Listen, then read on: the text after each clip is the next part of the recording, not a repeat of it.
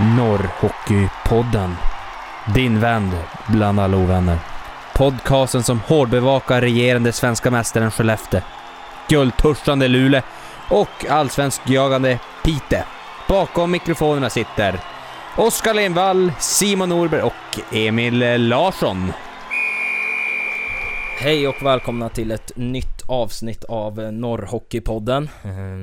Idag är vi en man kort i studion igen ska vi säga. Nu, nu är ju Emil Larsson tillbaka men då har vår andra adept valt att, valt att sticka för helgen här då. Så att vi får ju köra det här två, tvåmansrace idag Larsson. Jo men det ska nog gå bra. Ni lyckades ju förra gången men då hade ju hjälp av eh, Altmeiser, Ja. Bosse Lundqvist och... Ja men vi, vi har ju ett härligt hockeytugg att se fram emot nu. Ja men vi får ju verkligen säga det. Det har ju, det hinner hända otroligt mycket får man säga på en vecka här i dessa slutspelstider. Eh, vi har sett ett Luleå som har gått och dominerat serien mot, mot Frölunda här inledningsvis och så sen så nu har de helt plötsligt tappat två sadden förluster och det, vi väntar en sjunde avgörande match då. Och om vi går in på, på matchen som, som var idag då, vi spelar ju när, under söndagar så, så blev det torsk med 1-0 eh, efter att Erik Gustafsson avgjort i sadden igen. Vad, vad har du att säga om matchen Larsson? Ja matchen som helhet 0-0 efter 60 minuter. Det talar väl ganska mycket hur matchen såg ut. Det var väl kanske... Det var ingen sprudlande offensiv men... eh, Båda lagen var, var rädda, om, rädda om matchen. Så att eh, man safear lite hem men... Ska vi se som helhet så tycker jag väl ändå att eh, Frölunda var värda att ta den där segern och, och, och den kom ju då efter en en utvisning som kanske är lite... Ja den går helt klart att diskutera men, men som både du och jag sa så tycker vi att det, det är en solklar utvisning. Mm. Men alltid att ta en utvisning i, i förlängning det, det är ju alltid lite extra känsligt men... Ja det var som ingen snack men jag förstår det blir ju surr kring Luleåfansen helt klart. Mm.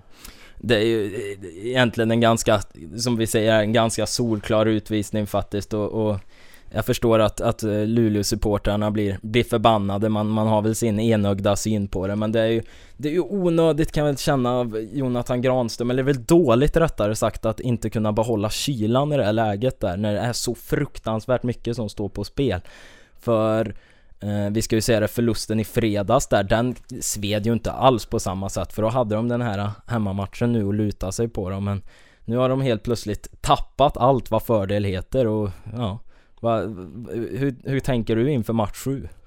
Jag var ju helt säker på att Luleå antingen skulle nypa match 5 eller 6. Det har jag skrivit i både ett och två inlägg på, på bloggen som vi har på Piteå Tidnings hemsida.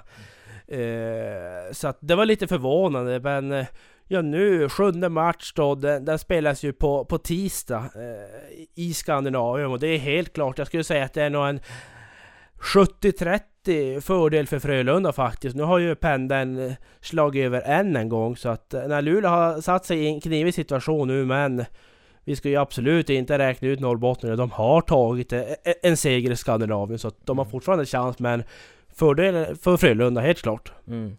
Ehm, hur ser, vad ser annars du som är, vad ska jag säga, nyckeln till att de att dels att Frölunda orkar jobba sig tillbaka men att Luleå tappar det här, det är ju så jäkla, alltså de de hade det ju som i en liten ask verkligen och, och sett till spelet de första matcherna så dominerar de ju också men nu har det blivit helt skilt. Eh, Luleå lyckades ju få in Frölunda i fällan just kring det här fysiska spelet, att de kunde få ur de här balans toppspel. Jag, jag har som en, en känsla i kroppen att, att Frölunda har blivit lite kyligare de här senaste matcherna, de senaste två matcherna. Sen så har ju de här sex matcherna, många matcher har varit otroligt jämna, så det kanske inte var helt logiskt egentligen att, att Luleå ska ha en 3-1-ledning. Det hade kanske varit eh, logiskt efter fyra matcher hade det stått 2-2, så att det har väl egentligen kanske rättvisan har, har skipats skulle jag vilja säga. Men så att just Frölundas individuella skicklighet tycker jag har avgjort de här två sista matcherna. Mm. Om vi, vi scrollar tillbaka bandspelaren här lite då, då hade vi matcherna som har spelats den här veckan var ju först då i, i måndags där. Eh, då, då lyckades Luleå kanske ta sin, sin starkaste vinst nere i Skandinavium då med 3-1. Ehm, där de helt och hållet lyckades få in Frölunda i allt vad man, vad man kan kalla för fälla för att eh, eh under de 40 första minuterna vet jag så var ju eh, Frölunda rikt, riktigt tillbakapressade. Ja men så var det. Den matchen, jag såg den i, Jag var ju i London då så...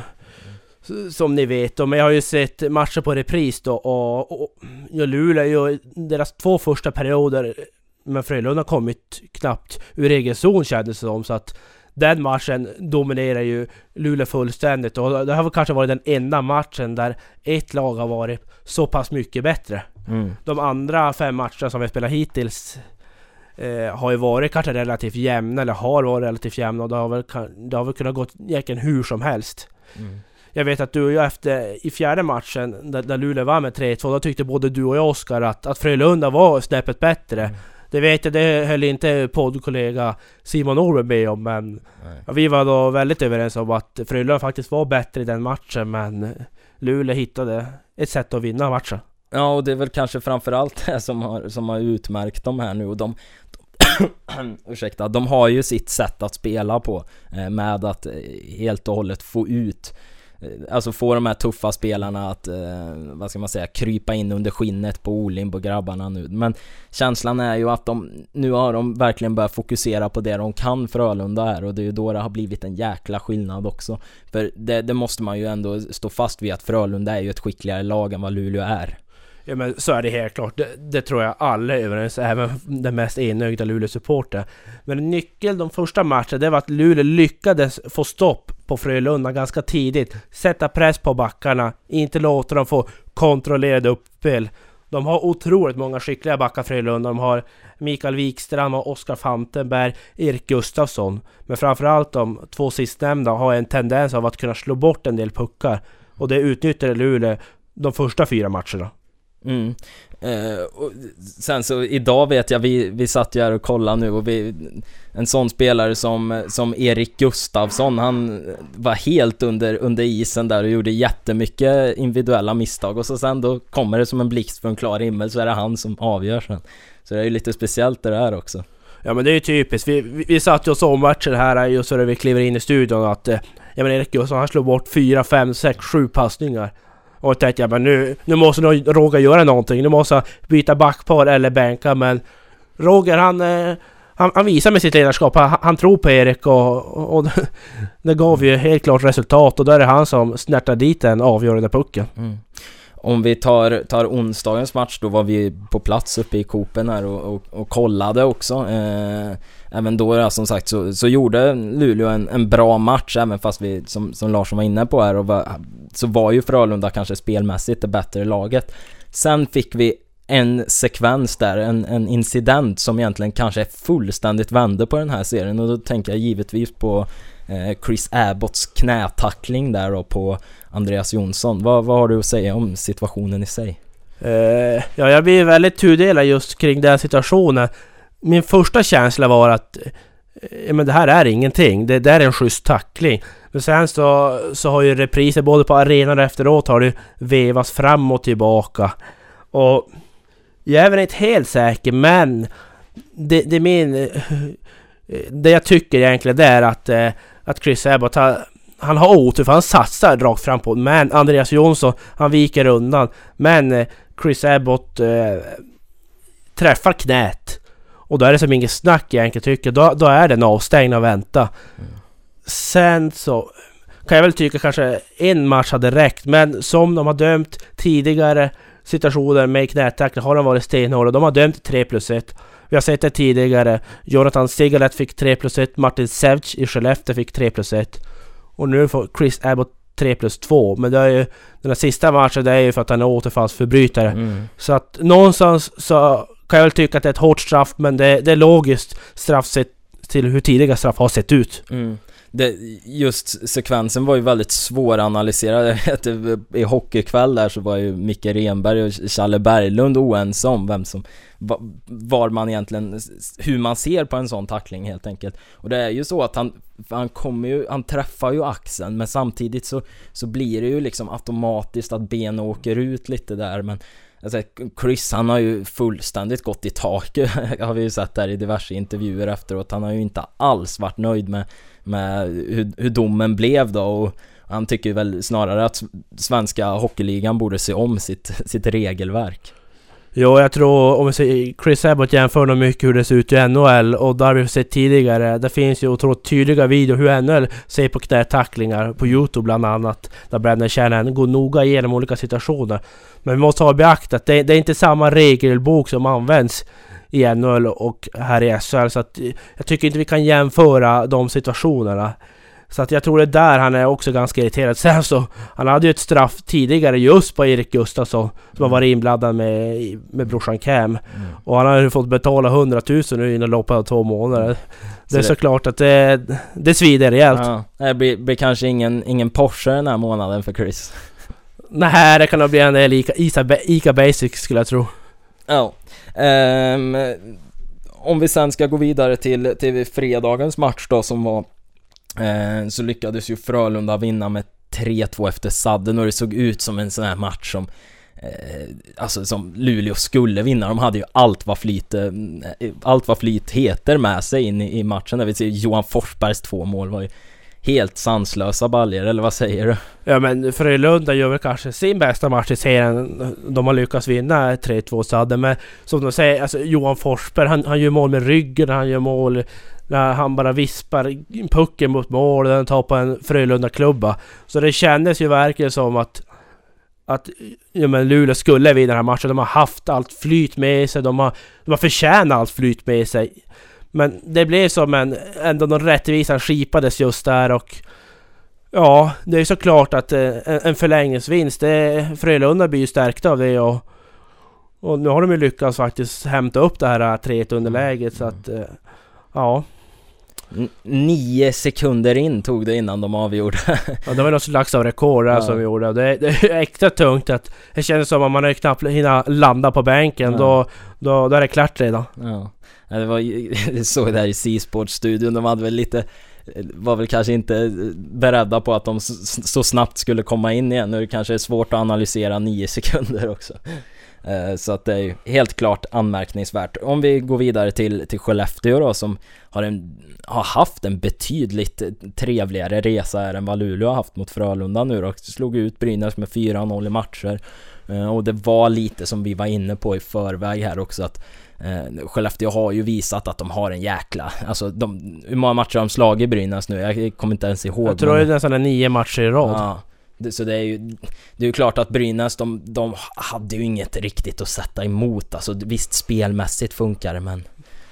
Ja, vad säger du? Det, det kändes som att Skellefteå ändå hade hade kopplat grepp i alla fall. Eh, när vi spelade in förra podcast, podcastavsnittet så stod det ju 2-0 till matchen till Skellefteå och jag tror ni pratade lite där om att den tredje matchen skulle bli helt avgörande. Den var Brynäs tvungen att knipa och Brynäs gjorde ju faktiskt en riktigt, riktigt bra match. Som de har gjort de två tidigare matcherna också. Men Skellefteå lyckas på något sätt vinna matchen och ja, det är, det är en styrka de har. De har fyra kedjor som går hela tiden och, och efter den där segern så luften gick ur Brynäs fullständigt och på onsdagen tror jag det var så, så kunde ju Skellefteå ja, var det sista spiken i kistan. Massakrera i stort sett. Ja, det blev en ganska enkel 6-2 seger. Så att, mm. Men luften gick väl ur Brynäs efter den här 3-0 mm. seger. Men jag tror de är ganska nöjda med säsongen hur den har sett ut mm. tidigare. Mm. Tror du att det var... Eh, min känsla, jag har faktiskt inte sett Skellefteå den här veckan ska jag säga, men min känsla från tidigare är att Brynäs, de går ju som sagt på väldigt med kort med folk nu och har, har tunga skadavbräck också. Så att, och de, det var framförallt i slutet på matcherna, det var ju då Skellefteå vann, så Ser du, var det orken som inte fanns där hos Brynäs? Eller var det kvaliteten om man säger? Jag tror det är väl en blandning av både och. Till exempel, jag menar, Brynäs hade en otroligt tung skadelista. Ska Brynäs orka störa eh, med det minsta lilla stora Skellefteå, då måste alla nyckelspelare vara hela. Bertilsson var borta. Jag tror vi har Jörgen Sundqvist, kaptenen, borta. Och sen har vi... Jesper Ollas. Jesper Ollas var borta hela säsongen, så mm. att... De ska inte kunna störa Skellefteå och det visar sig att det kunde de inte heller. Men de stod upp bra de första tre matcherna så en eloge till Brynäs och, och till tränaren Thomas Bylund Berglund som är från Piteå och gammal mm. Luleåbekanting. De, de gjorde en heroisk insats, gjorde vad de kunde men Skellefteås bredd och kompetens blev alldeles för svår Mm. till slutändan. Mm. I, i, I match tre här då, som var i måndag så lyckades ju... Det var ju då Brynäs gjorde sin bästa match kan vi säga. Eh, de, de lyckas få det till sadden där och men... Vem är det som kommer fram där om inte den gamle Brynäs-bekantningen Daniel Widing? Hur, hur, skönt tror det var för honom att få, få spika igen den matchen där? Ja, nu, nu tror jag Brynäs, eller Daniel Widner tyckte det var extra härligt att kunna eh, bevisa för, för gamla laget Brynäs att, att han håller fortfarande. Jag har alltid en extra känsla att, att göra, göra mål på gamla laget. Så, så att... Eh, ja, han, han myser nog lite extra då. Det tror jag nog. Mm. Ehm, och vi har ju sett Daniel Widing är ju en utav de spelarna som har hamnat lite i skymundan här nu när, när Skellefteå har sin enorma bredd som de har. Och så vi såg matchen där när de vann med 3-2, då var ju, då var ju Widing uppsatt som, som extra spelare och ändå är det en sån som avgör. Vad betyder det? Ja men det betyder jätte, jättemycket. Många medier har ju pratat om det, att Skellefteå har inte där kanske spetskompetensen som de haft tidigare år. Men bredden är, är minst lika bra om inte bättre. Alltså vi ser att Skellefteå Skellefteå kunnat ställa upp en fjärde kedja med exempel. De har haft Daniel Wide som 13 forward, du har haft... Eh, du har haft Axel Holmström, du har haft John Norman och, och Martin Lubbe som en fjärde kedja. Det är ju inget lag i det här slutspelet som kan ställa upp en sådan otroligt stor bredd som Skellefteå kan göra. Och när det här ändå Skellefteå kunde fick bara 2-3-0 i matcher. När de kunde spela in Schramp också, kunna vila någon som kanske har någon liten skavank. Och nu får man vila en och en halv vecka tills det drar igång, ja, på lördag. Så att, Kommer de att göra så även i en semi? Jag menar, kommer de gå med lika mycket folk som de har gjort nu? Eller tror vi att de kommer kanske bredda av det lite grann och gå mot en 3-5 och kanske en fjärde lina som bara gnuggas sporadiskt? jag tror väl att så, så länge slutspelet vi går, då kommer givetvis kanske eh, vi ser Kalofs kedja med Pesonen och Zachrisson. De, de kommer ju snäppa upp kanske två, tre minuter i istid. Men Skellefteås styrka är just det att man har fyra kedjor och går bara. Så att jag tror, jag tror ju att Skellefteå kommer fortsätta med den filosofin att man kör med fyra kedjor och sju backar just för att kunna ha den här intensiteten i sitt spel. Det är det, det är deras styrka är. Men givetvis så kommer kanske några kedjor, några backpar få snäppas upp ett par minuter Mm. hu- hur länge fram vi går i slutspelet. Mm. Jo, så är ju känslan. Man, man kan ju tänka en sån som, som Rob Schremp här. Han, fi, han fick ju kliva in då när, när, det, när det verkligen behövdes här och i, vad var det, var det match fyra? Eh, Precis. Ja. En, en sån spelare kan man ju tänka att han kanske, han kanske har spelat färdigt till och med för den här säsongen. Han känns ju som att, eh, som det ser ut nu, så han läggs ner i kedjehierarkin i Skellefteå Mm. så att... Mm. Ja, men man vet inte. Fort det blir en två, tre skador och då... Då kanske vi ser Rob Schemp där som... Den stora hjälten som firade tredje raka SM-guldet på möjligheterna stå. Det vet man aldrig. Man ska aldrig utesluta någonting. Nej, nej men precis. Ehm, och nu har vi, vi har ju egentligen, kan vi säga, gått och väntat lite här nu på att det ska bli en semifinal mellan Skellefteå och Luleå, men nu kanske man inte ser det lika klart längre. Nej, vi blev ju kanske blåst. Vi blev ju sista sekunden blåsta när Brynäs vann mot Färjestad där. Så blev vi blåsta på en drömkvartsfinal. Och nu när det står 3 så vet jag det. Ja, jag har ju då räknat in Luleå flera gånger om och jag vet ju att de allra flesta som bor här i Piteå, Luleå, Skellefteå har väl räknat in den semifinalen också och kunnat ladda för den här men... Ja. Frölunda verkar vilja annat så just nu så är ju pendeln över till Frölundas fördel, helt Mm, klart. Mm. Om vi ska gå in på, på, på, på Luleå här igen då, vad, vad tror du, vad slutar match 7 då? Ja, nu har inte jag varit någon...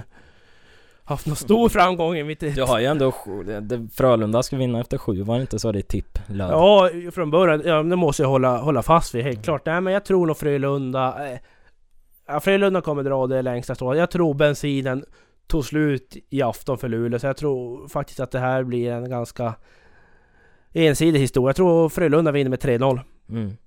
Um, och samtidigt som nu Chris Abbott, ja, som vi var inne på tidigare, han kommer missa resten av kvartsfinalserien här nu så att han kan ju bara Ligger inte han på en solstol snart så är det ju bara att hoppas på att Luleå grejar det här nu.